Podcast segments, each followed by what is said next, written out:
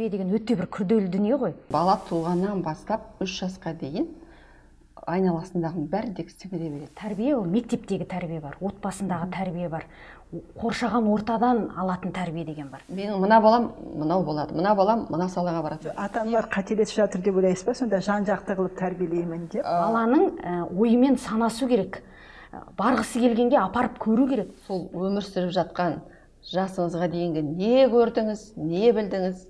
Балаңызға соны беруге асығыңыз адам өзінің ішіндегі бір ең керемет суда жүзген балықтай сезінетін ортасын табады. Мүмкіндік беру керек оған.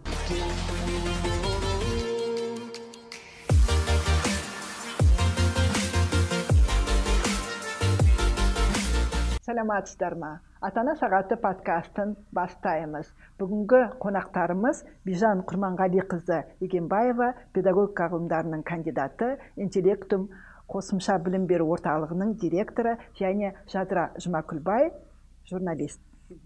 Бүгінгі тақырыбымыз тәрбие жүйелері мен түрлері. Қайсысын таңдаймыз? Тәрбие туралы әркімнің де таласы бар деген сияқты. Бұл өте өзекті мәселе және ешкімді бейжай қалдырмайтын тақырыптың бірі. Әркім өз ойын айтып жатады дегенмен ғылымға және зерттеулерге жүгінсек. Тәрбие дегеніміз не? Тәрбие дегеніміз ол өте бір кең ұғым ғой. Сондықтан да шығар. Біз тәрбие болып жатыр ма өтіп жатыр ма? Осы тәрбие деген қандай бір формада ма бір адамның болмысында қалай көрініп жүр дегенді жалпылай айтамыз. Ал бірақ ол қашан беріліп жатыр қалай беріліп жатыр неден басталып жатыр?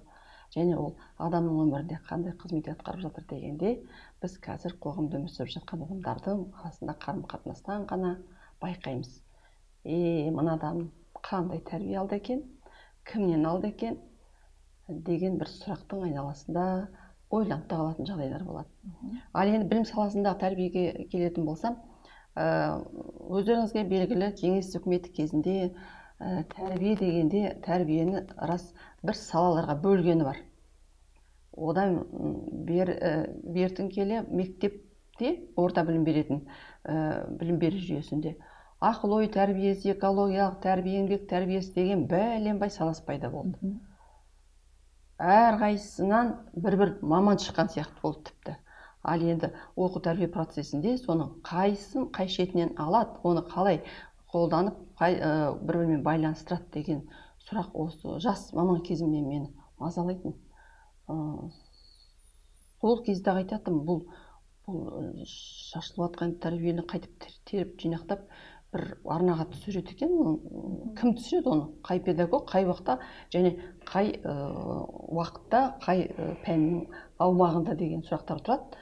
Ә, сонда мысалы мен өзім ә, жаратылыстану факультетін бітірдім. География биология мамандығымен екінші рет тағы оқып қайтадан бастауыш мұғалімі мамандығын алдым. Сонда екі деңгейде де жұмыс істедім. Сондағы менің байқағаным баланың жасына сәйкес берілуі тәрбиенің бастауыш сыныптағы баланың 11 жасқа дейінгі балаға не беріледі 11 жастан кейін не беріледі деген сол осы екі сұрақ мені ылғи да толғандыратын. Сонда сол уақыттың өзінде осы жаңағы қазір ғана айтып отырған түрлі тәрбие салаларын талдағанда қайсынан бастаймыз деген тұрады. Бірақ бұл мәселе біразға дейін талқыланып ғалымдардың арасында педагог қауымның арасында ата аналардың қатысуымен талқыланды да белгілі уақыт аралығында бұл кешенді бағдарламаға айналды. Сөйтіп білім беру жүйесіне арналған арнайы ә, кешенді тәрбие бағдарламасы жарыққа шықты. Сөйтіп біраз көзіміз ашылған болды. Ә, бұл ә, енді бұл ғылыми бағыты ғой әрине әрине. Ғылыми бағыты. Енді біз жадырадан да тәрбиені қалай түсінетінін біліп отырайықшы. Негізі тәрбие деген ұғымның ә, анықтамасы өзінің анықтамасы бар. Бірақ анықтамадан бөлек ә, түп төркініне үңілетін болсақ тәрбие деген өте бір күрделі дүние ғой. Ә, тәрбие ол мектептегі тәрбие бар отбасындағы тәрбие бар. Қоршаған ортадан алатын тәрбие деген бар. Соның ішінде ең маңыздысы анау тал бесіктен дейді. Демек бұл отбасындағы тәрбие маңызды болып тұр ғой. Әке шешенің балаға беретін тәрбиесі өмір өмір бақиға қалатын негізгі бір жолы дейік иә? Немесе бір қалыптасатын ә, өзінің ә, жолын қалыптастырады. Бұл жерде тәрбиені ата анамен байланыстырғанда ата ана балаға қандай ақылақ мінез құлық қандай тәртіпті қалыптастырып берді әке шешесіне қарай отырып баласының болашағын немесе ә, өзін тануға болады иә. Сондықтан ә, анау ақыл айтуға келген кезде немесе кеңес беруге келген кезде айту оңай бірақ оңай да қиын. Иә. Мен ә, осы жерде жалғастырып кетсем ә, жаңа отбасында деген ә, әңгіме басталып тұр. Шынымен де тәрбиенің қайнар көзі отбасында екенін бәріміз мойындаймыз. Ал бірақ біз ақыл айтумен тәрбиелеп жатырмыз деп ойлаймыз. Ал ә, тәрбие ақыл айтумен ғана берілмейді ау yeah. Иә. тәрбие ә, көрінбей білінбей қабылдайтын бір ә, құбылыс деп айтуға болады. Өйткені өсіп жатқан тұлға ол ортасын қандай болса тура сондай өмір сүреді. Ол не деген сөз? Ол ендеше өзінің айналасындағы адамдар қалай өмір сүріп жатыр қалай сөйлеп жатыр қалай жүріп жатыр қалай тамақтанып жатыр деген ол оның күнделікті өзінің өміріне араласады да өзі содан тәрбиеленіп шығады. Ендеше біз отбасының қайнар көзі десек отбасындағы үлкен жауапкершілікті айтамыз бұл жерде. Отбасы мүшелерінің әрқайсысының әрқайсысының үлесі бар бұл ортадағы тәрбиеге. Үлкені кішісін тәрбиелейді кішісі үлкенін тәрбиелейді. Дүниеге келген ә, жас нәресте төрт айдан кейін өзінің ата анасына басшылық жасай бастайды екен. Яғни айтқанын орындата бастайды. Ә, оны ә, ата ана сол тапжылмай орындай бастайды. Сөйтіп келіп ол енді баланың талап еткенін орындадым деген бір жақты ә, бір тәрбиенің бір бағыты пайда болып кетуі де мүмкін. Сондықтан бұл жерде ә, отбасының әрбір азаматының өзінің сөйлейтін сөзі оның іс әрекет қимылы оның ә, күнделікті өмір сүру тәртібі қалай болса сол отбасының әрқайсысының мүшесі сол тәртіппен сол тәрбиемен өседі. Бірақ ол әрине басқа ортаға барған кезде сол көргенін білгенін өзінің бойындағысын өзі көрсетіп жатқанын байқамайды. Бірақ сырт көз көрініп тұрады. Ол қандай ортадан шыққанын қай ортаға келіп оны ары қарай қалыптастырып дамытып жатқанын деген. Сондықтан ә, ә, тәрбие ә, мәселесі ол әрбір азаматты толғандыру тиіс деп ойлаймын. Және әрқашан әр адам өз ойланып жүру керек, жүру керек сияқты. Мен қаншалықты өзім тәрбиелімін және қаншалықты мен ортаға айналама қаншалықты әсер етіп отырмын деген сұрақ бұл әр азаматта болса онда оның жауапкершілігі осы тәрбие мәселесіне тікелей қатысты болады деп ойлаймын. Жаңа сіз жалпы педагогикадағы тәрбиенің біраз салаларын айтып кеттіңіз. Ол адамгершілік тәрбиесі ақыл ой тәрбиесі эстетикалық тәрбие экологиялық экономикалық деп тағы сол сияқты тәрбиенің түрлерін көп айтып келді және ол сол кеңес үкіметінен келе жатқан педагогиканың негізінде жатты. Осының бәрі ескіріп қалған нәрсе. Я болмаса қазіргі кезде оның маңызы жоқ деп ойламайсыз ба? Ә, мен жаңа ғана айтып кеттім. Осы түрлі тақырыпқа бөлініп кеткен тәрбие қаншалықты бізге не берді? Yeah. Иә. ал енді одан кейін оны біз кешенді деп жинастырып топтастырып бір арнаға түсірген кезде не берді деген. Иә? Ол енді біздің сол уақыт аралығындағы тәрбиеленіп өсіп жатқан азаматтардың өмірінен көрініс табады деп ойлаймын. Қазір қарасаңыз қазіргі балалар ә, бәрін де білгісі келіп тұрады. Онда неге? Өйткені педагогтың алдына қойған мақсаты да сол және оның ата анасының да арманы сол. Бұл баланы жан жақты етіп тәрбиелеймін деп қояды өздеріне. сол өйтеді да бәрін үйреткісі келеді бәрі болса екен дейді. Сондықтан да шығар қазіргі балалар шынымен де қарасаң ә, былай бес аспап көп көрінеді. Бірақ оның қайсы бағытына түсерін түсер таңдай алмай қиналатын жайттар бар.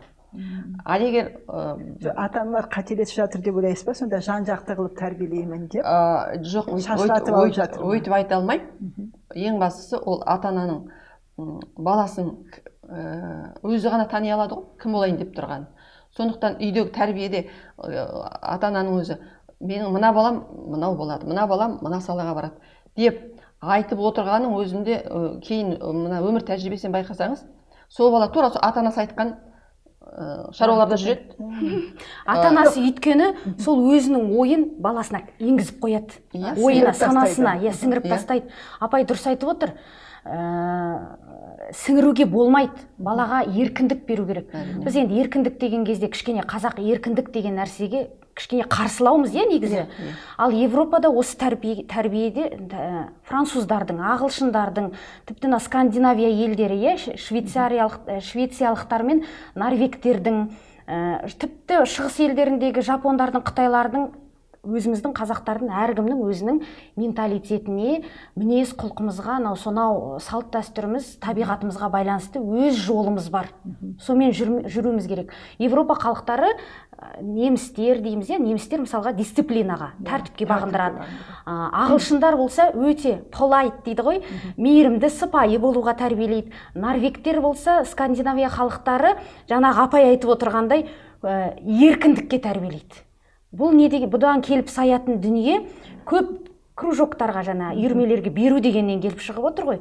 Көп дүниеге беру керек. Баланың ә, ойымен санасу керек. Барғысы келгенге апарып көру керек. Біреу үш ай қатысар бір үйірмеге барып бес ай қатысар біреуіне бір жыл қатысып жүріп тастап кетер. Сөйтіп жүріп ол өзіне керегін табады. Мысалға бір ғана бізден мысал келтірейінші. Біздің өзіміздің отандасымыз мықты ә, олимпиададағы жүлдегер атанған денис тен. Ә, қаршадай ақ 25 ақ жасында үзіліп кетті иә? Бірақ сол 25 жасына дейін елу алпысқа кел, ә, келіп тындыра алмаған елдің жасамағанын жасап кетті. Біз оны қайтыс болғаннан кейін білдік. Біздің көз алдымызда ол тек қана олимпиада чемпионы ә, мәнерлеп сырғанаудың бір шебері ретінде ғана қалды. Ал оның қайтыс болғаннан кейін ән жазғанын ә, өлең шығарғанын иә? Ол мұнай газ саласының маманы болғанын тіпті кино түсіргенін білдік. Көрдіңіз ба сонда ә, анасы да айтады өзі де айтады. Мен малтифанкшнл деген ұғым бар. Мынау әлемдік неде ә, яғни бір уақытта бірнеше нәрсені істей алу дейді иә? Многофункциональный дейді ғой. Шешесі әке шешесі демек оған мүмкіндік берген бәр нәрсемен айналысуға. Өзі де айтады да мен көп нәрсеге құштар болдым дейді. Үйренгім келген нәрсенің барлығын үйрендім деп айтады өзі. Сосын шетелде де оқуға маған мүмкіндік болды дейді. Өзі мысалға ә, шетелде дайындалып жүрді ғой. Сол жақтың университетінде түсуіме де мүмкіндік болды. Бірақ патриот болды да ә, қбту да оқыды ол қазақстандағы. Мен неге өзіміздің өзімізде де тура сол білім бар ағылшынша білім беретін орталық бар. Неге өзімізде алмаймын деп ойладым дейді. Ал бірақ ол білімді міндетті түрде сол мұнай газ саласының маман, маманы болып кету үшін емес сол саланың ә, бір қыр сырын білу үшін үйрендім дейді. Мен менен керемет бір фильммейкер керемет режиссер шықпас бірақ мына кино түсірудің қыр сырын білгім келді дейді. Керемет менен ақын композитор шықпас бірақ оның бір дәмін татқым келді дейді. Сол секілді солай жүріп адам өзінің ішіндегі бір ең керемет суда жүзген балықтай сезінетін ортасын табады мүмкіндік беру керек оған. Өйткені бізде қазақтарда тыйым көп қой өзі. Тыйым сөз деген де нәрсе бар бізде.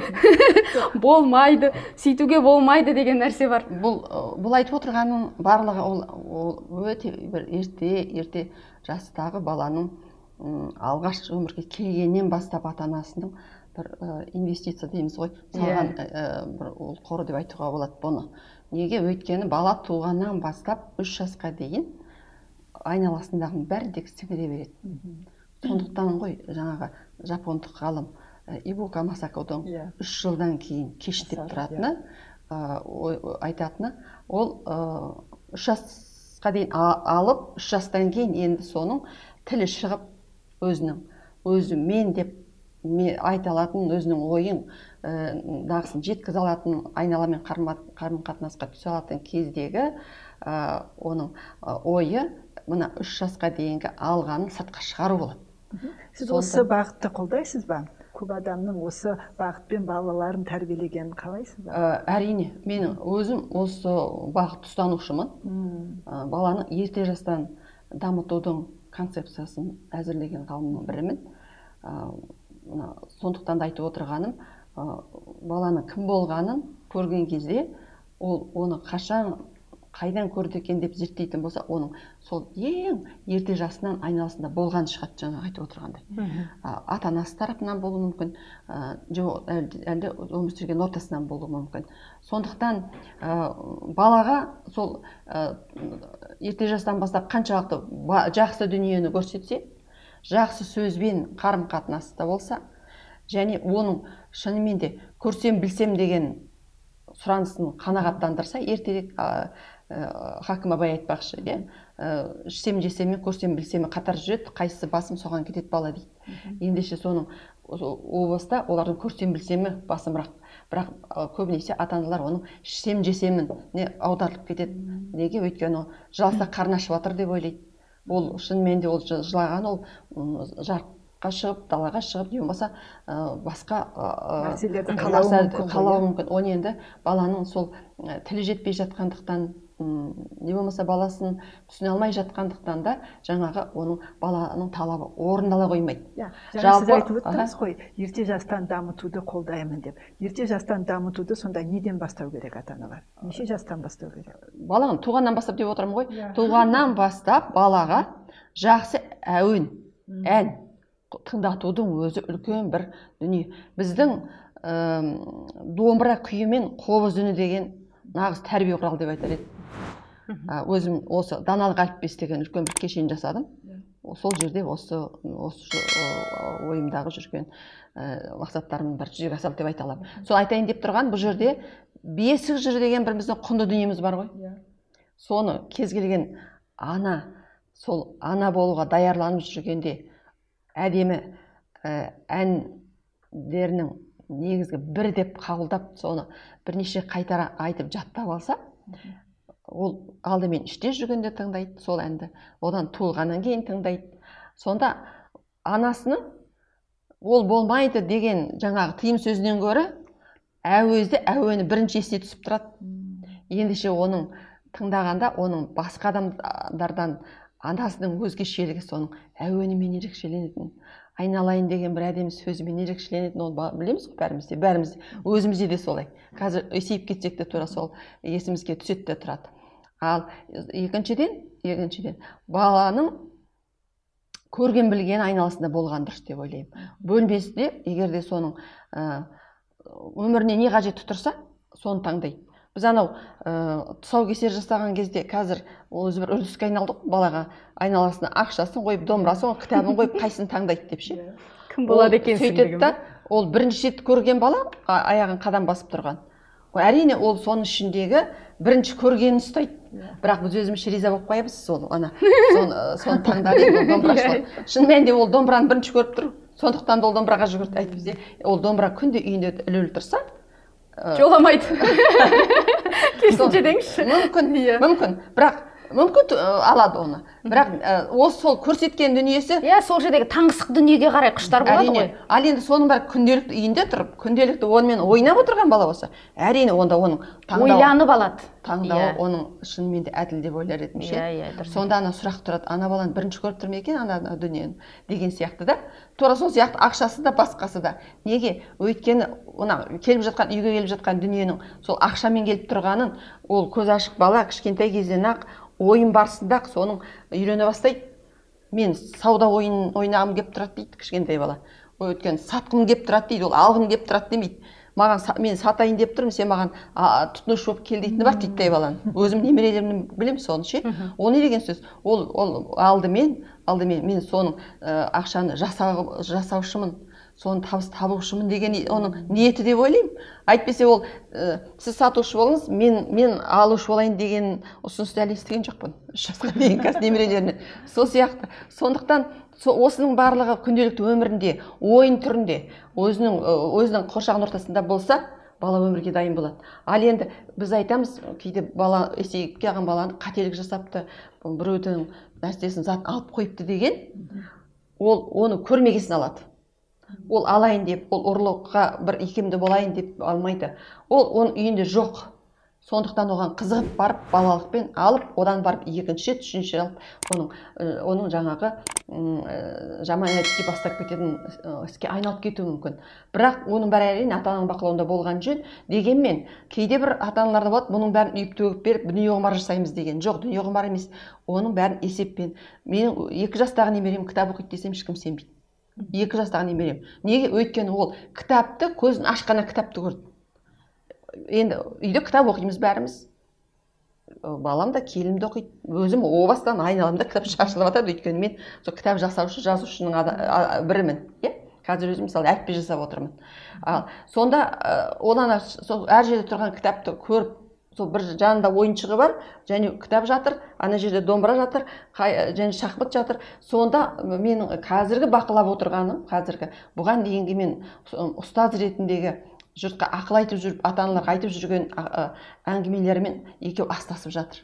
Ол кезде мен мүмкін айтатынмын мына ата анаға артығырақ айтып тұрмын ау шамасы. Сіз балаңызға мән бермедіңіз дегенді. Деп ойлайтын едім бір өзімше күдікпен. Бірақ мен қазір одан екі есе көзім жетті. Баланың ерте жастан бастап қолындағы қызыққан затымен одан әрі дамытатын болса ол жүреді. Ол біз енді жеті жасқа келіп оқытамыз алты жастағы баланы оқыған оқуға әлі қиын болады деген ата аналар кейде тіпті одан да балабақшада отыра тұрсын әлі ойын баласы деп қоятыны бар. Ал біздің не үшін барып жүр мектепке не үшін барып жүр балабақшаға? оқытсын тәрбиешілер дейтін ата ана бар иә? бөліп жадыра сіздің төрт балаң бар сіздің төрт балаңыз бар. Осы балаларыңызды қалай тәрбиелеп жатырсыздар жаңағы ерте жастан ерте жастан тәрбиелеу дегенге мен ыыы қосыламын жүз пайыз. Тіпті ерте жастан болғанда бала тумай тұрып ә, құрсақта жатқанда бастау керек тәрбиені. Ата ана мынау осознанное материнство деген ұғым бар ғой. Ә, сен тұрмысқа шықтың болашақ баланың анасы екеніңе ә, ойыңмен пайымыңмен соған дайын ретінде келуің керексің. Тіпті іштегі сәбиіңе пайғамбардың хадисі де бар ғой алты айлық ішіндегі баласы алты айлық екі қабат әйел келген кезде балам дүниеден келгеннен кейін қалай тәрбиелесем болады? деп сұрағанда сенің ана ішіңдегі балаңа қанша ай болды? дейді. Алты ай дегенде сен алты айға қалып қойған екенсің дейді. Кеш қалып қойған екенсің. Кеш иә. Бұның өзі бала бойға біткеннен бастап ата ана өзімен жұмыс істей бастау керек ана. Іштегі балаға қандай әңгіме айту керек өзімен өзі отырып сөйлеседі ғой енді баласымен. қандай музыка тыңдайсың қандай әңгіме тыңдайсың қандай кітап оқисың қандай информация аласың соның барлығы балаңа беріліп туады. Өйткені мысалға айтады ғой бір үйде он бала болса ә, ана ата анасының жастау кезіндегі баласы кішкене ақымақтау да қырыққа келген кезде туған баласы неге ақылды деген нәрсе бұл өмірлік тәжірибе білім барлығы ата анадан балаға бойынан беріліп туатындығын түсіну керек иә. Сол мысалға ал туғаннан бастап не істеу керек?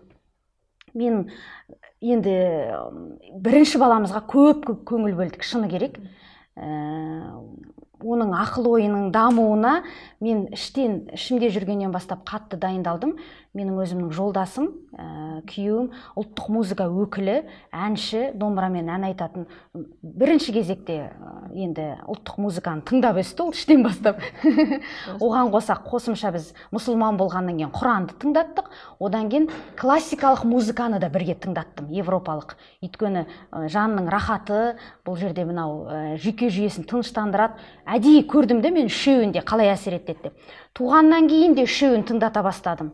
Одан кейін апай бағана жаңа жақсы айтып өтті ғой бесік жыры деген әңгіме. Мен мысалға ә, бесік жырын басынан аяғына дейін жатқа білетін бесік жырым жоқ екен бірақ өзім кейіннен ойладым мен өзім бесік жырын өзім шығарайын одан да. Әр ата ананың өзінің бесік жыры болсын деп. Сон бірақ абайдың абайдан артық өлең таппадым. Сондықтан абайдың өлеңін балама жай ғана оқып бере бердім.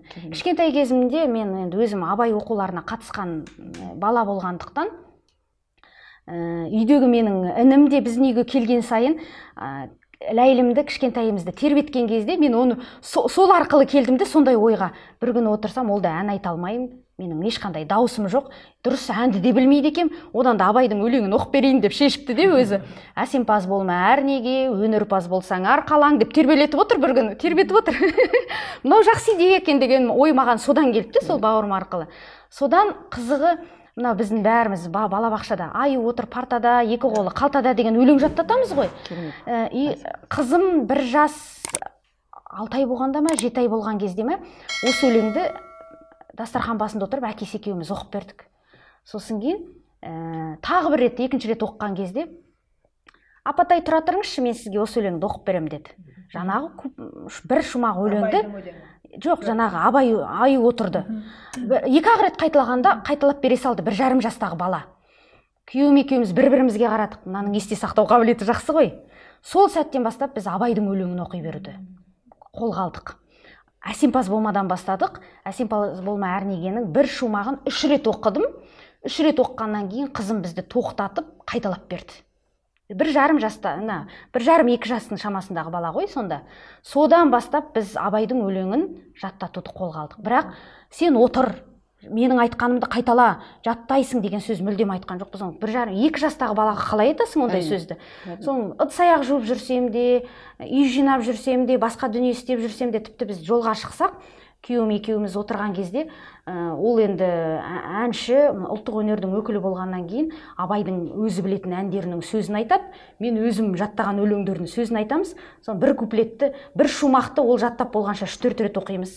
Екінші шумағын айтамыз дегендей. Содан ол өзі бізді тоқтатып қояды да өзі айтады. Жатта деген сөзді айтпау керек екен бастысы. Соны түсіндім. Содан енді өзі оқи бастағаннан кейін ол өзі оқып жаттайтын болды. Қазір енді ә, бір жүзден астам өлең біледі абайдан. Мен осы жерде өз тәжірибемнен бір қосып кетейін деп тұрмын. Мен жаңа айттым даналық әліппесі деген бір үлкен тәрбие кешенін жасадым. Осы отбасы тәрбиесіне арналған. Өйткені ә, ата аналардың көпшілігі айтады мен балаларымды тәрбиелейін десем құрал жоқ ә, не дұрыс ә, әдеби кітаптар да жетіспейді қалай тәрбиелерімді білмеймін дейді. Содан мен осы ой мені біраз уақыт мазалап ә, жүріп кейін осы енді әліппенің авторы екенім рас бірақ мен осы рухани адамгершілікке баулитын бір дүние жасауым керек шығар деп ойланып жүргенде сол даналық әліппесі деген бір ой туды. Сонда ол оның ішінде бесік жыры ә, қобыз үні домбыра күйі ә, және халық әні ә, біртіндеп келеді да ертегілер аңыз әңгімелермен жастасады. Сөйтеді да ол ары қарай жыр дастанға ұласады. Содан кейін барып ең соңында халық тағылымы деп беріледі. Ол кәдімгі біздің жүз баласағұнның құтты білігі. Сонда бұның барлығын бір қана сөйлейтін қалам дыбыстайды. Ол не деген сөз? Ол бір отбасында оқи алмайтын адам бар. Кішкентай балалар не болмаса үлкен қариялар. А, не болмаса осы отбасы мүшелерінің оқуға да ә, шамасы келе бермейді одан да тыңдай тыңдай береді. Ендеше бір ғана сөйлемнің бір ғана сөйлейтін қаламның ішінде барлығы салынған. Ендеше оны үздіксіз тыңдауға болады. Бірақ мен осыны жасап бастаған кезде эксперимент кішкентай туылған баладан басталды қатар. Сонда кішкентай қыз ол қазір міне сегіз жасқа келді ол қыз. Сол туылғаннан бастап бесік жырын тыңдады домбыра күйін тыңдады ыыы қобыз үнін тыңдады. Ол тура мына қырық күнге дейінгісі одан кейін барып ол ақырындап жаңағы әндерге көшті. Сонда ата анасына арнайы тапсырма беріп отырдым. Сіз сол балаға эксперимент жасадыңыз былайша айтқанда иә? Иә иә. Өзіңіздің балаңыз ба бір туысқан? бұл, бұл сіңлімнің қызы. Ә, марқұм сіңлім қайтыс болып кетті бірақ осы өткен екі жыл болды. Сонда ә, бірақ мен оларға әке шешесіне ә, тапсырма беріп отырдым. Апта сайын мен оны бақылап отырдым. Сонда баладағы өзгерістерді ә, бақылап отырдым. Сонда байқағаным ана ә, күйдің дыбысы естілгенде екі аяғы тыпырлап кішкентай бала көзі көзі жанып кетеді. Біртіндеп есейіп жүруге таяп қалған кезде тілі шығып қалған кезде енді ол жаңағы сол жердегі жыр дастандардан шағын шағын шумақтарды жаттатуға. Оның сөздері әрине оңай деп айта алмаймын.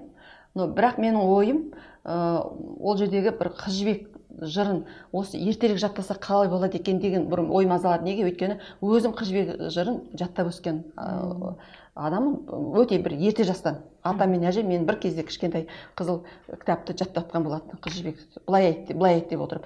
Содан жаңағы мына енді даналық әліппесіндегі қыз жібекті дыбыстау арқылы жаңағы балаға жаттату қалай жаттатады? Үш екі жас үш жасқа келіп тіл шыққанда жаңағының әрбір сөзі бізге қызық болып көрінді. Ана тыңдаған сөзін қайталап айтқызу.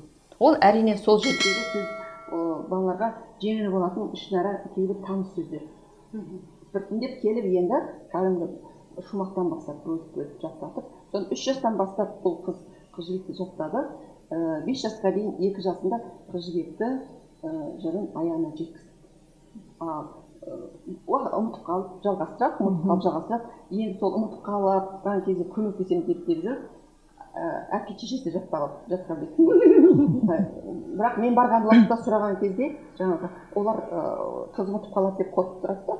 Ұмытып қалып жатса қосып жібереді содан бұл қыз сол бес жастан асқанда жатқа айтатын болыпты ғой сол бес жарым алты жасында жаңағы мектеп аяққа барды.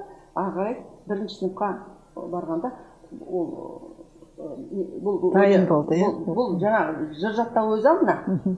Бұл оқып да даярлап енді жаңағы маған бір мені таңдандырған нәрсе егер баланың баланың санасына ә, соншалықты көп сөз қорын жасайтын жағдай туғызса санасында бір ә, сіңіп қалатындай онда ендеше ол жаңа тіл шыққан уақытта сол сөзді қолданады екен. Иә. Ана қыз үш төрт жастан кейін үлкенше сөйлейтін болды жаңағы дастандағы сөзді қолданатын болды ал енді ә, сол уақыттан бастап мен оқуға үйрете бастадым. Әліпті ұстатқан жоқпын. Әріпті жеке танытқан жоқпын онда тағы да сол өзі білетін үш әріптен тұратын төрт әріптен тұратын екі әріптен тұратын сөздерді ғана. Жеке жеке бөліп бөліп беріп жаттатып келіп біртіндеп келіп ана қыз сол әріптен тұратын сөздерді сөздерді көрсе танитын болып жаттайтын болды сөйтіп алып енді оқуға сонда мектепке барғанда оқып барды және жаттап барды. Ал екінші сыныпқа көшкенде ол кәдімгі бір жоғары класстың баласымен айтысқа шықты. Сонда енді оның ақындық қабілеті ашылды. Сондағы менің қазір байқап отырғаным қазір сегіз жастағы қыздан байқап отырғаным ол соншалықты ерте жастағы соның оның ә, жаңағы игерген ә, соншама сөздік қоры қазір оған қызмет етіп жатқан сияқты. Әрине әрине ұмытмайды біздің әңгімеміз жайлап жайлап ұлттық тәрбиеге ұласып жатыр. Қалай ойлайсыздар қазақстанда қазір бәрі қолданып жүрген қалыптасқан ұлттық тәрбие бар ма? Ұлттық тәрбие тағы да айтамын әр отбасында қазір. Ал ұлттық тәрбиеден бала кенде қалмасын десек біздің бүкіл білім мазмұны сол ұлттық тәрбиенің негізінде құрылу керек. Сондықтан қазір мысалы жаңартылған білім мазмұнын енгізіп жатырмыз жаңа оқулықтар жасап жатырмыз. Осы оқулықтарды оқулықтар сүйенетін бағдарламасы болады. Сол бағдарламада ұлттық құндылықтарға негізделген мазмұн құралу керек деп қойылса онда жасалып жатқан жаңа оқулықтың бәрінде сол ұлттық тәрбиеге қатысты мазмұн болады. Ал енді бала оқып жатып алады білім алып жатып алады. Ол сен мына былай істе мына ұлттық тәрбиені беріп жатырмын саған былай беріп жатырмын мына түрін беріп жатырмын дегеннен қабылдамайды. Ол бала бірінші білім көзін алып жатқан жерден алады. Одан кейін сол ұлттық тәрбиені айналасында көргеннен алады. Одан кейін барып оның өзінің көрген нәрсесінен басқа балаларға қарым қатынасқа түсіру кезінде ол ары қарай ол ода қалыптасады. Енді ол ұлттық тәрбие деген не дегенде сұраймыз тағы да иә? Сөйтеміз да оның мынау ә, дәстүрдің озығы бар тозығы бар дейміз ғой. Кейде соны ата аналар таңдай алмай жатады. Ал бірақ егер де мына мұғалімдермен педагогтармен бір қарым қатынаста отырып ортақ осы өзінің ортада жүрген баласының бойына беретін сіңіретін ұлттық тәрбиені бірге ақылдасып отырып екі жақтан ұйымдастыратын болса онда қалыптасады. Ол ол қандай ұлттық тәрбие? Ол ең бірінші ұлттық адамдық қарым қатынас қой. Тіпті ол таңертең тұрып қайырлы таң дегенді әр отбасында айта бермейді неге айта бермейді білмеймін. Ыыы бір жаққа кетіп бара жатқан ата анасына аман сау болыңыз кездескенше дегенді кез келген отбасындағы бала айта бермейді неге? Оны оны өзіміз балалардың өмірінен көріп жүрміз. Ал жалпы мына қоғамда өмір сүріп жатқан адамдардан көріп жүрміз. Тағы бір ең бір мен бір ә, ойландыратыны балалар отбасында өздері ата анасымен амандаспайды бірақ ол сыртта басқа адамдармен амандасады. Неге?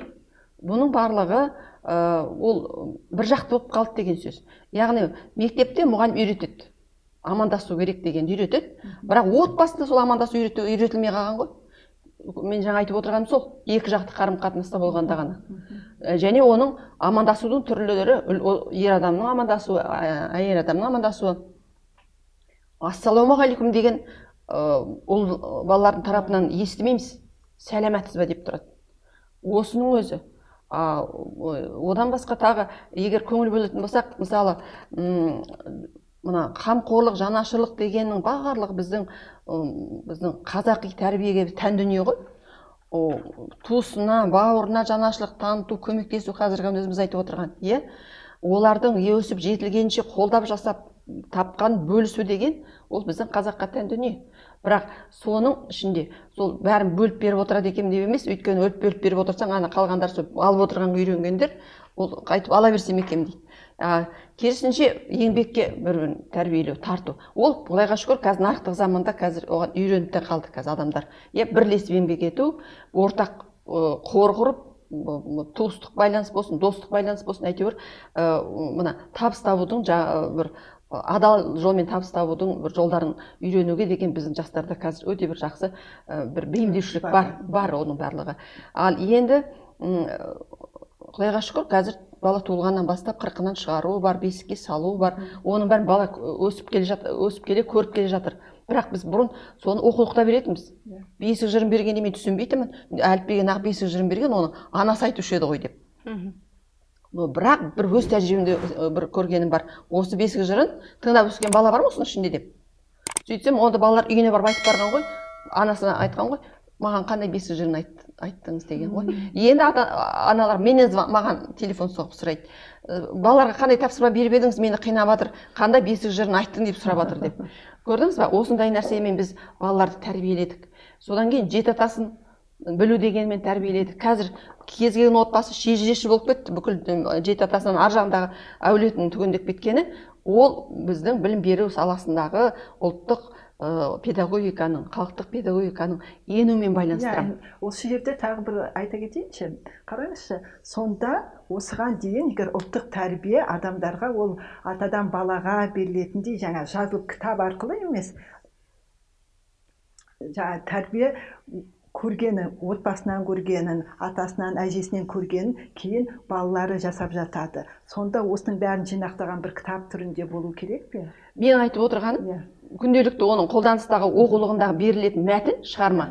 Сол сол тәрбиені меңзеп тұрса ол ата анасымен бірге талқылайды ғой.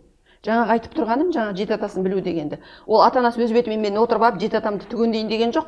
Иә. Ол ана мектептегі берілген иә, иә, тапсырма жеті атаңды түгендеп кел деп иә? оқулық арқылы әрине ол бір жолы. бірақ одан басқа мысалы егер дүниежүзінің тарихына үңілсек осы бағытта тәрбие бағытында зерттеулер жүргізген кітаптар жазған ә, әдістемелер шығарған адамдар өте көп. Мысалы монтессори бізге дейін жеткен адамдардың аттары ше мысалы шнайдер бар бірақ оның мектебі вальдорф мектебі арқылы бізге танымал. Жаңа сіз айтып өткен масару ибуканың яғни бізге қазір қай ата анадан сұрасаңыздар да осы есімдерді айтып беруі мүмкін. Өйткені олар кітап ретінде жаңағы оқулық ретінде иә иә дұрыс айтасыз теория ретінде кітап ретінде беріп отыр да оны сатып алып сонымен мысалы басшылыққа алып жүре алады. А бірақ кейде мысалы қазақтың бәріне тән тәрбие кітабы бар ма? Барлық ата аналар осы кітапты алып а осыны негізге алдым осының ішінен бір нәрсені үйрендім дейтіндей бір құралдар бар ма дегенге салады дұрыс айтасыз. Ол енді ол отбасына арналған оқу құралы деп айтуға болады тәрбие құралы деп айтуға болады. О, бар деп айтамын бар оны зерттеп жүрген ғалымда серік халиев ағамыз бар өмір бақи халық тәрбиені уағыздап насихаттап келді. А, ол кісілердің шығармалары бар. А, бірақ ә, біз неге сырттан іздейміз деген? Yeah. Иә. монтессориде біз ұлттық тәрбие жоқ қой. Не болмаса жаңағы шнайдер ол өзінің ол ол өзінің ұлт үшін ол тәрбие көзі. Монтессори бағдарламасын осы жерде айтып кетейін мен. Ол ә, мари монтессори итальяндық ғалым. Өзінің еліндегі ә, дамуында кемістігі бар балаларды дамытудың жолдарын ойластырып жүріп жасаған бағдарлама. Иә. Кейін оны басқа балаларға да икемдеп жасады мен қазір осы жерде айтайын икемдеп деп айта алмаймын. Айта алмаймын оған келісе алмаймын. Келісе алмайтыным ә, бұл бағдарлама жүз жылдық бағдарлама деп айтуға болады. Бірақ ә, неге өлмей келе жатыр неге? Өйткені оның оның тұтынушысы көп. Әр отбасында бар. Қазақстанның өзінде қаншама орталық бар монтессори енді деген. инклюзия дейміз ғой? Иә, иә иә, иә. дамуында кемістігі бар балалар өте көп. Ендеше сұраныс бар деген сөз. Ал бірақ баланың интеллектісін дамытады дамытуға керемет ықпал етеді деп айта алмаймын. Айта алмайтыным ә, біздің біздің осы ұлттық құндылықтарды негізге алмайынша ол бәрібір ол жасанды тәрбие болады деп есептеймін мен оны. Ал оның ол бағдарламаның бұл бұл көмекші құрал ретіндегі бұның пайдасы жаңағы тағы да айтамын дамуында кемістігі бар. Әлі де бір көмек қажет етіп тұрған. Педагог пен ата ана арасында әлі де түсінісе алмай осы балаға қажетін таппай жүрген кезде оны оны ол тәсілді қолдануға иә болады апаймен келісемін мен. Монтессоридікі біз ә, соншама анау біреудікі ай көрінер көзіне дегендей Иә, иә, иә, біреудікіне соншама құштар болып тұрамыз ғой. Монтессори жаңа уолдорф болса да немесе жа, жапондықын бір үлгі ретінде қараймыз. Олар өз ұлтына өз менталитетімен жасаған. Ал біз өз ұлтымыздікін бізде шынымен ақта болса мысалы қазақтың ұлттық тәрбие құралы ұлттық құндылықтарға негізделген болса бәріміз неге сүйенбеске? Бізде насихат аз да. Әрине. Енді ол ол жақ жақтың олардың пиары көбейіп кеткеннен біз бәріміз жапа тармағай сатып аламыз. Содан басқа бір тәрбие көзі жоқ сияқты көреміз. Енді бәленбай орталық ашылып кеткен. Енді қазір балаларын соған апарып беріп қояды да оны тәрбиеленіп жатыр дейді. Енді тура осы осы осы бағытта мен біраз жұмыс жасаған адаммын. Баланың ақыл ойын дамытатын не нәрсе деп. Қазір бүгінгі жасап жатқан жұмысым сол интеллектуалдық дамыту ойындары жасап жатырмын. Ондағы мақсатым қашанғы біз әлемдік тәжірибедегі әртүрлі қолданыстағы ойындарды әкеп қазақстанға әкеп қолданысқа беріп балалардың ә, жаңағы көзін алаңдатып отырамыз иә? Ал егер де біз қазір өзіміздің әрине бізде өндіріс өте баяу дамып жатыр біз оны күтсек әлі де келесі ұрпаққа да біз ешнәрсе жеткізе алмаймыз. Сондықтан оны күтудің қажеті жоқ. Ә, біз бүгінгі күні балаға не қажет соны, соны жасауымыз керек. Және біз ол бұл бұл дидактикалық ойындарды жасаудағы менің бір мақсатым бұған қандай ой, ой келді? Біз ә, бағдарлама ә, оқулық оқу құралы деген қағаз түріндегі дүниені жасадық та енді оны қолданушы тұтынушы бала оны оқи алса жасайды оқи алмайтын бала қалай жасайды оны оны ана педагогтың айтуымен жасай алмайды ғой. Ендеше ол не істеу керек? Ол белгілі бір затты өзі қолдан жасап көру керек Құрастыру керек. осы жұмыстың барлығы базарда тұрған арзан ойыншықтар деп айта аламын. Ол ы, мақсатсыз жасалған ойыншықтар ол баланың бір ы, бос уақытында еріккен уақытында ұстап отыратын мақсатта жасалған. Ал ы, қазіргі мен енді қазір мақсат етіп отырған бұл ы, біздің білім беру жүйесіне енгізіліп жатқан интеллектуалдық дидактикалық ойындар олар қазір мына алып жатқан білімін сол түсінгенін ойлағанын логикалық даму арқылы сол іспен көрсету. Білген дүниесін ойнап отырып жасайды құрастырады. Ол сөйтіп ол сол құрастырған заты туралы айтып берді деген сөз үлкен жетістік. Біз балаға оқығаныңды айтып бер деп қинаймыз. Не болмаса тыңдағаныңды айтып бер деп қинаймыз. Ал жасағаныңды айтып бер деп айтып көрейікші. Онда бала қомданып тіпті риза болып тұрып айтып береді. Өйткені ол оқыған тыңдағаннан гөрі өзінің қолымен жасағанға жетпейді иә ғой. Иә А- апай дұрыс айтады. Иә. жаңағы монтессориді кез келген адамға сай келмейді деп тұрғаны сол ғой. Ол монтессоридің негізгі түп мақсаты автодидактика дейді ғой. Баланы өздігінен ә, жасауға үйрету дейді. Ол өздігінен жасалмай қал, ә, жасай алмайтын балаларды бағыттайды үйретеді. әрине. Ал мына жерде ақыл ойы бәрі сау бала ол өздігінен жасайды. Жаңа зат жасайды. Иә жаңа зат жасайды. Бірақ ол жаңа заты туралы айтып береді және оны қашан қолданады деген оның қиялына қатысты. Болашақта мен оны ұшақ жасаймын дей ма? Жоқ оны ә, космосқа ұшатын ә, ракета жасаймын дей ма? Ол уже оның оның қиялында қалатын дүние. Бірақ ең бастысы ол қолында қолын қолмен ұстап көріп жасады соны. Екінші баланың ұсақ бұлшықеті дамыса оның ойлауымен тікелей байланысты ғой. Иә? Ол, ол, ол жағы тағы бар. Үшіншіден ол педагогтың жұмысын қысқа ә, ә, жеңілдетеді деп айтар едім. Өйткені біздің педагогтар қарасаңыздар қазір көп сөйлейтін болған. 45 минутты беріп көр асып кетеді. Ал 30 балаға сөз жетпей қалады. Неге? Өйткені бәрін өзім түсіндірсем айтып берсем дейді. Ал енді балалардан сұрап айтып бере ғой деп айтайын десе бала көрмесе жасап көрмесе несін айтады? Ол оның айтқанының бәрі жасанды сөз жүзінде болып қалған ғой біздікі іс жүзінде әрине. Сондықтан ал бұл жерде ә, педагогтың артық сөйлеуін де тоқтатады. Өйткені бала ойнаған ойлағанын жасағанын іске асырған дүниесін ортаға салып бір бірімен бөлісіп топқа бөлініп ойнайды бұл жерде бұл ойындарды. Жеке ойнайды. Қалай ойнаса да бұл жерде баланың ақыл ойының дамуында белгілі бір ә, қозғалыс болу керек деп ойлаймын. Болады оған мен сенемін. Өйткені ә, жасап отырған жұмыстың барлығы бұл біздің білім беру жүйесіндегі стандарты бар бағдарламасы бар. Соған сәйкес иә, жасалған ұлттық музыка туралы айта кетсек. Ұлттық тәрбиенің ә, негізі ұлттық музыкада дейді. Мынау әлемде танымал осы ұлттық деген тақырыпты зерттеп жүрген ә, бенедикт андерсон деген мәдениеттанушы социолог ғалым бар. Сол кісі айтады бірнеше параметрлерді келтіріп тұрып айтады ұлттық киім ұлттық ойындар ұлттық аспаптар бүкіл ұлттық деген дүниенің бәрін келтіреді де солардың ішінде ешқайсысы ұлттық музыка секілді адамның бойындағы ұлттық рухты оята алмайды дейді. Кезінде мысалға соғыс кезінде ақтабан шұбырынды кезінде жорық жыраулары деген болды бізде иә? Батырларға кәдімгі соғыста қан майданда жүрген батырлардың рухын жану деген нәрсе бар. Солардың рухын кім жанды? Жорық жыраулары жырмен жанды, жандырды иә? Күймен махамбеттің күй тартуы ә, жыр арнауы деген секілді дүние. Демек ұлттық музыка біздегі ән мен күй жырдың адамның де- ә, шын мәніндегі мен қазақпын деген рухын оятатындай және бар рухты одан сайын дамытатындай керемет бір қасиеті бар да. Әрине. Иә бағанадан бері айтып жатқан әңгімеміздің бәрі тәрбие және баланың тәрбиесі ғой. Бірақ ең басты мақсат ең басты нәрсе бұл жерде баланың бақытты болуы.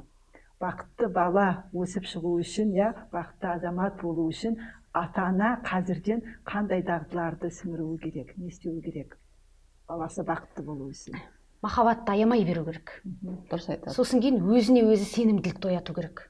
Болды осы екі нәрсе болса ә, бақытты сезінесің. А, менің айтарым а, баламен ә, ақылдасып отыру керек. Келісіп отыру керек. Ол қолдау әрине ол міндетті жағдай. Бірақ баланың сұранысын талабын қанағаттандыруға қызмет етсе ата ана және оның пайдалы оған ә, жақтарын ына қарай бағыт бере отырып соны қамтамасыз етсе онда бақытты жанұя болады деп ойлаймын. Ал енді баланың сұранысын қанағаттандырып жатырмын деп қолына ы, сұраған телефоны бар басқасын беріп қойып мен бұны риза қылып қойдым деу ол әрине ол ы, жат қылық деп айтамын. Ал бірақ сол телефонның ішінен де қажетті дүниесін тауып алатын қылып үйретіп қойса ол да бір жақсы дүние. Ә, кез келген айналасындағы затты көрген затының жақсы жағын көруге үйрететін болса жақсысын алуға үйрететін болса соның өзі бұл балаға көп дүние береді. Ал екінші жағы баланы баланы қамқорлық жасауға аяушылық білдіру мейірбандық таныту деген иә досына көмектесу үйдегі отбасында отбасы мүшелерінің әрқайсысына жанашырлық танып жағдайыңыз қалай неге көңіл күйіңіз төмен қабағыңыз неге сәл қатулы деген сияқты бір ауыз сөз айтса кішкентай баланың жаңағы сөзі деген үлкен адам үшін әжептәуір сынақ болып сезіледі иә иә баладан ондай сөз естіген шынымен әрине әрине. Ал енді тура солай өскен бала әрине ол ол мейірбанды мейірімді кеңпейілді өседі. Сонда ол біз мысалы бір ана қазақстан жеріндегі маңғыстау еліндегі ана ә, тюленді ә, өлтірген балалар деп, деген сөз жанымызға қандай батты? Неге ол балалар неге оған барды? Неге ондай сондай ә, табиғаттың иә жоқ бұл сондай бір озбырлыққа барды десең білместік па жоқ әлде қызығып кетті ма жоқ әлде басқа да бұл енді басқа бір себептер бар шығар. Но дегенмен мына тал- талдау талқылау кезінде қоғамда сол бір жаңағы басқадай бір озбырлық басқа бір зорлық көрсетті деген бағытта айтып жатыр. Ол да жақсы емес. Жалпы қоғамда мына кез келген ә, әңгімені талдауға талқылауға ұсыну үшін ойлану керек. Осы өмір сүріп жатқан айналамыздағы ұрпағымызға осының қаншалықты әсері болады деген. Жақсы сөз жарым ырыс дейді. Оның жақсы жағын айтып керісінше сол қателіктен болған шығар деп қоя қойса ғой оны одан ары талқылап біздің балаларды озбырлыққа дейін апарып қойды. Ал бірақ мен оған келісе алмаймын. Бұл жерде басқа да бір жағдайлар бар шығар деп ойлаймын. Міне осының осындай бір іс әрекеттерден аулақ болу үшін баланың өзінің жаны таза онсыз да пәк жүрегін ол ә, сол жақсы жағымды қылықтарымен ә, байланыстырып жақсы сөзбен байланыстырып соны бір ә, жаңа басында айтып кеттім. Мысалы әдемі ә, бір қарым қатынасқа түсіретін кешіріңіз оқасы жоқ деген сөздерді қолданысқа енгізуге бір ата ана бір икемділік танытса бала сол сөздерді ә, пайдаланып үйренсе онда жақсы қарым қатынас орнайды. Ол өзі ә, баланың бір бақыт сәтін көрсетеді. Бір біріне деген отбасына деген бір біріне деген әдемі қарым қатынастың қалыптасып келе жатқан көрініс деп ойлаймын тәрбие тақырыбы бұл таусылмайтын тақырып. Әлі де сағаттап айта беруге бармыз дегенмен біз подкастымызды аяқтауымыз керек. Сондықтан ең соңғы екі үш сөйлеммен ата аналарға тілек айтып кетсеңіздер қандай тілектеріңіз бар? Құрметті ата аналар балаларды өмірге әкелгеннен кейін осы балам кім болады? Қалай мені асырайды? Менің қартаюыма қандай қызмет етеді деген мақсат қойсаңыздар ендеше сол өмір сүріп жатқан жасыңызға дейінгі не көрдіңіз не білдіңіз балаңызға соны беруге асығыңыз. Иә жалпы мынау ата ананың алдындағы ата аналық міндет деген бар парыз борыш. Және Э, баланың алдындағы баланың ата ананың алдындағы ата ананың баланың алдындағы міндет деген нәрсе бар да. Сол біз ата ана ретінде балаларымыздың алдындағы міндетімізді білуіміз керек. Оларға қандай тәрбие беруіміз керек қандай адам қылып шығаруымыз керек. Адам боп келдім өмірге адам боп кету тілегім бәріңе соны тіледім дейді ғой жәнібек кәрменов. Сол бізге бір ол бір керемет маман кейбір керемет бір ерекше адам ә, атақты болу міндет емес сенің балаңның. Қалай құдай берді бірақ сол бойында бір қандай да бір қасиеті болсын болмасын оны адам ретінде қалыптастыруға ұялмай соған тәрбиелейтіндей бір жағдай жасауымыз керекпіз. Ертеңгі күні ә, сенің балаң да сенің қартайған шағыңда сол бір берген тәрбиенің рахатын көру үшін дейді ғой. Өте жақсы. Осымен ата ана сағаты подкастын осы әдемі ойлармен аяқтаймыз. Бүгінгі хабарымызды біз нәрікбаев атындағы казгюю университетінің ғимаратында түсірдік. Және осы университеттің ұжымына алғысымыз шексіз. Бүгінгі келген қонақтарымыз бижан құрманғалиқызына және жадыра жұмакүлбай сізге көп рахмет айтамыз. Жолдарыңыз болсын балаларыңыздың қызығын көріңіздер. Жұмыстарыңызға сәттілік тілеймін ата ана сағаты подкастын аяқтаймыз сау болыңыздар